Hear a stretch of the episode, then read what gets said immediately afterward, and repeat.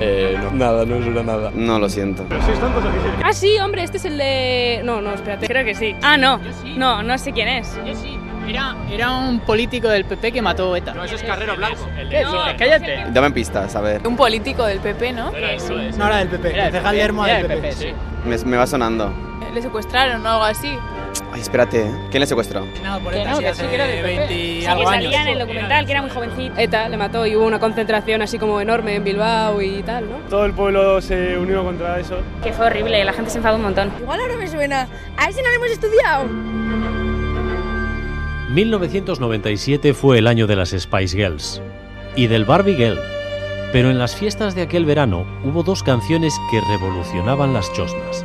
La primera de ellas era el gran éxito del tricky pop de Nuevo Cuño.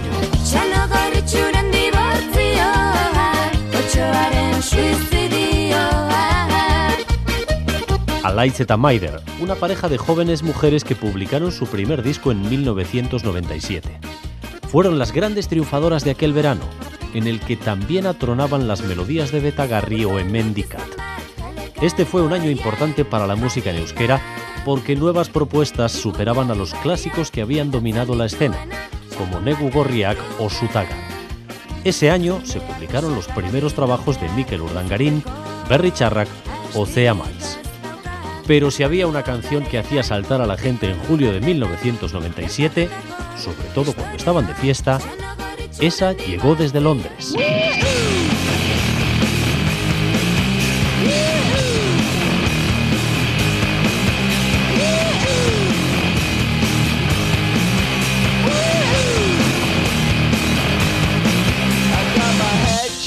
El verano de 1997 en Euskadi comenzó con un fenómeno cinematográfico que marcó a toda una generación. De hecho, todos tenemos una escena favorita de la obra maestra de Juan Mabajo Ulloa. Una o varias. Mira, nena, aquí hay una cuestión. El concepto es el concepto. ¿m? Esa es la cuestión. Bueno, vamos a llevarnos bien, porque si no van a haber hondonadas de hostias aquí, ¿eh?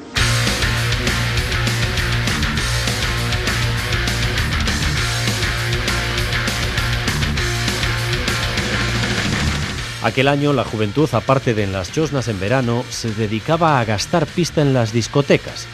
Algunas de las más concurridas se llamaban Tiffany's, Gwendolyn, People's, Garden, Anaconda, Venecia o Chicharro.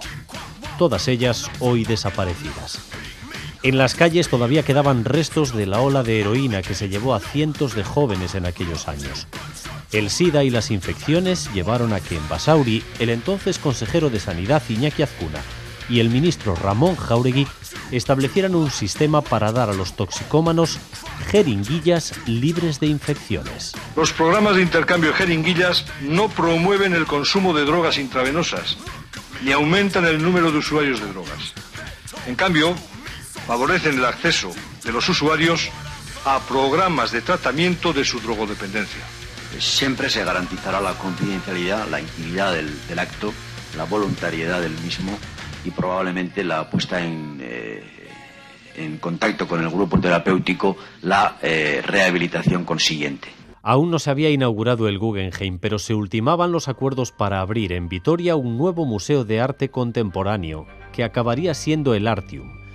Y estaba viva la reclamación de que el Guernica de Picasso fuera trasladado a Guernica, cosa que nunca se produjo.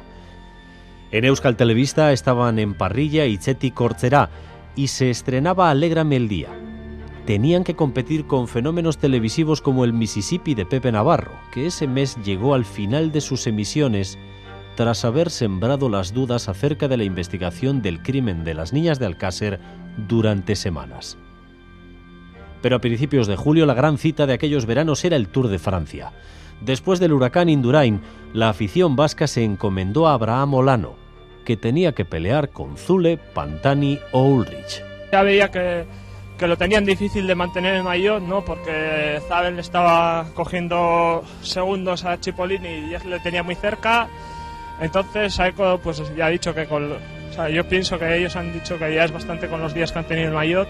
La gente también del equipo la tendrían cansada y entonces pues habrán dicho, mira, que sea lo que Dios quiera y que si que tener alguno en Mayotte, el caso de Zabel, pues que, que hubiese tirado Telecom ahí, ¿no? En 1997 un piso en Algorta costaba algo más de 20 millones de pesetas, porque aún se pagaba en pesetas. Vamos, poco más de 120.000 euros. Eran precios similares a los de Donostia o Bilbao, dependiendo de la zona, claro. El Athletic fue sexto en aquella temporada marcada por la ley Bosman. La Real octava. Roberto Ríos, Lizarazu y Kovacevic eran los jugadores de los que se hablaba. Y ya había Liga de Fútbol Femenino. Ese año las jugadoras de la Ñorga fueron subcampeonas. Políticamente en Euskadi el gobierno vasco estaba en manos de una coalición entre el PNV y el PSE que lideraba el lendakari José Antonio Ardanza. Tras 13 años en Ajurianea, su etapa enfilaba los últimos meses y el PNV, dirigido entonces por Xavier Arzayuz, debatía el relevo.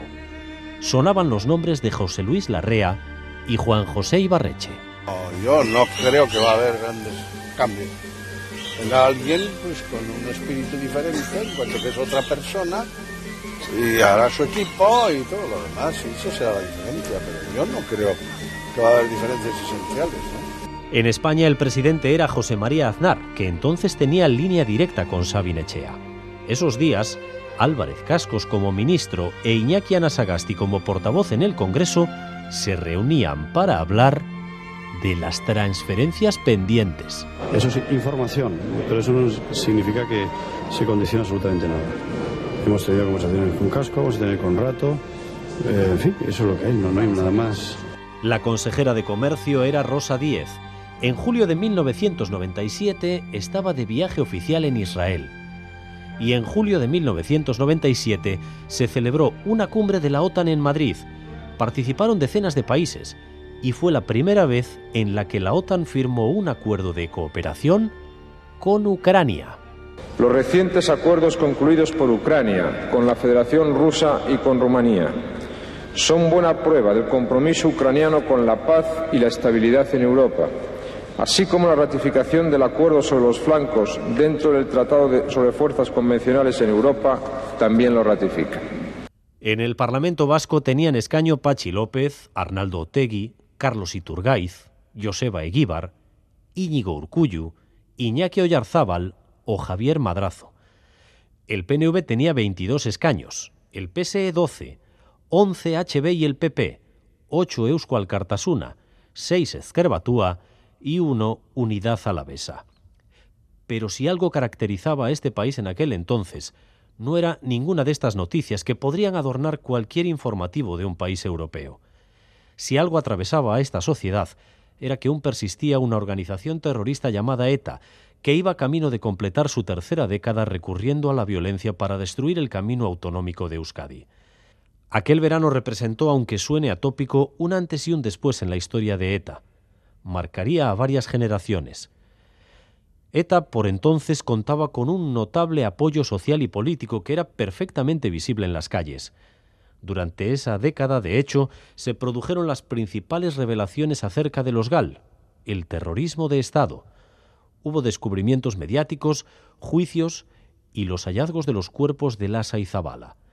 Aquel clima favoreció a ETA para extender su narrativa y captar más apoyo y comprensión social. En palabras de su abogado Íñigo Iruín, un sentimiento contradictorio de satisfacción y tristeza se mezcla en el ánimo de los familiares de a lo largo de estas semanas hasta que hemos llegado hasta la conclusión definitiva.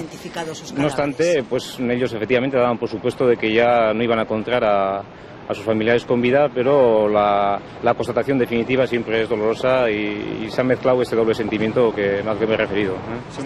Según Íñigo Iruín, hace un mes tuvieron conocimiento a principios de julio de 1997, uno de los principales propósitos de la organización era mantener la tensión social y política por sus presos. Para ello contaba con un secuestro que a la postre sería el más largo de su historia. Un funcionario de prisiones, José Antonio Ortega Lara, permanecía cautivo en manos de ETA desde hacía más de 500 días. En la madrugada del 1 de julio, un operativo dirigido por el juez Garzón desde la Audiencia Nacional y desarrollado por la Guardia Civil terminó con la liberación del funcionario de prisiones, que estaba oculto en un minúsculo zulo de Mondragón. Se reconoce un habitáculo que es en donde ha permanecido secuestrado José Antonio Ortega Lara durante 532 días y que le recuerdo sus dimensiones. 3 metros de largo por 2,5 de ancho confirma el tratamiento de bestias prolongando la tragedia de esta persona. Jaime Mayor Oreja, entonces ministro de Interior, daba así los primeros detalles de aquella operación de la Guardia Civil. La imagen de Ortega Lara saliendo del agujero en compañía de los agentes impactó de una manera enorme en la opinión pública.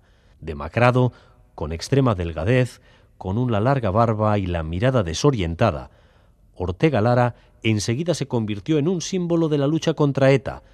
Su liberación provocó una sensación de júbilo político que elevó la cotización del ministro de Interior Jaime Mayor Oreja. Vistos estos indicios, se formuló la hipótesis de trabajo de que José Antonio Ortega Lara se hallara secuestrado en una cárcel del pueblo situada en dicho taller, por lo que temiendo por su vida se decidió explotar la operación. Un PP al alza enseguida construyó el discurso de que la perseverancia y la firmeza, junto con el trabajo de la policía, serían los pilares para acabar con ETA, como se había demostrado con Ortega Lara. Si algo caracterizaba a la Euskadi de entonces, era una elevada capacidad para convivir con la violencia y el dolor. Tras el shock, volvía la vida cotidiana. Y el 6 de julio empezaron los Sanfermines.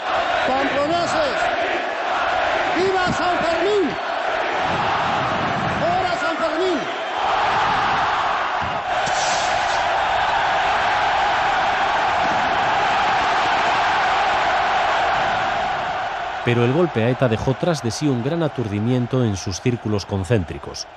Tras la caída de la cúpula en 1992 en la operación de Vidarte, nada había causado tanto daño. La detención del comando, que estaba perfectamente oculto e integrado en la vida del pueblo, llevó también a una advertencia por parte de un notable dirigente de Aerri Batasuna, Floren Aoiz, que hizo una premonición. Aholku bat eman nahi diegu, eta da kontuz horrelako moskorraldi errepresiboekin. Moskorren atzetik beti bestondoa etortzen da, edo ajea nahi zuen bezala. Kontuz, beraz, horrelako planteamentuekin. Moskortzeak bestondoa dakarrelako. Esa resaca llegó ocho días después. Yo desde bien pequeña me crié casi en casa de Miguel Ángel, tenía casi todos los días pasaba con, en casa de mis tíos, con ellos, con, con Miguel Ángel, con Marimar, con los padres. Y bueno, pues íbamos de vacaciones juntos, los fines de semana también pasábamos juntos y me pasaba muchas horas con él. Eh, era como mi hermano mayor que me orientaba un poco en los estudios y me echaba broncas y esas cosas. Ella es Nerea Garrido, prima de Miguel Ángel Blanco.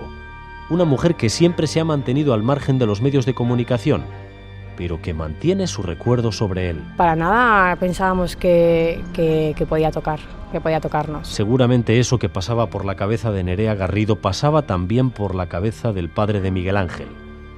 Uno de los momentos inolvidables de aquellos días fue ver a ese hombre llegar al portal de su casa, con la mirada perdida y desconcertado al verse en una nube de micrófonos, periodistas y archañas, cuando ni siquiera sabía que su hijo había sido secuestrado. ¿Es usted familiar de Miguel Ángel? Sí. ¿Qué, qué, qué ha pasado? Pues que no, parece ser que lo han secuestrado. Parece ser que lo han secuestrado. Que lo han secuestrado. No sabía nada. No sabía nada. ¿Puedo decir alguna cosa? Espera, espera.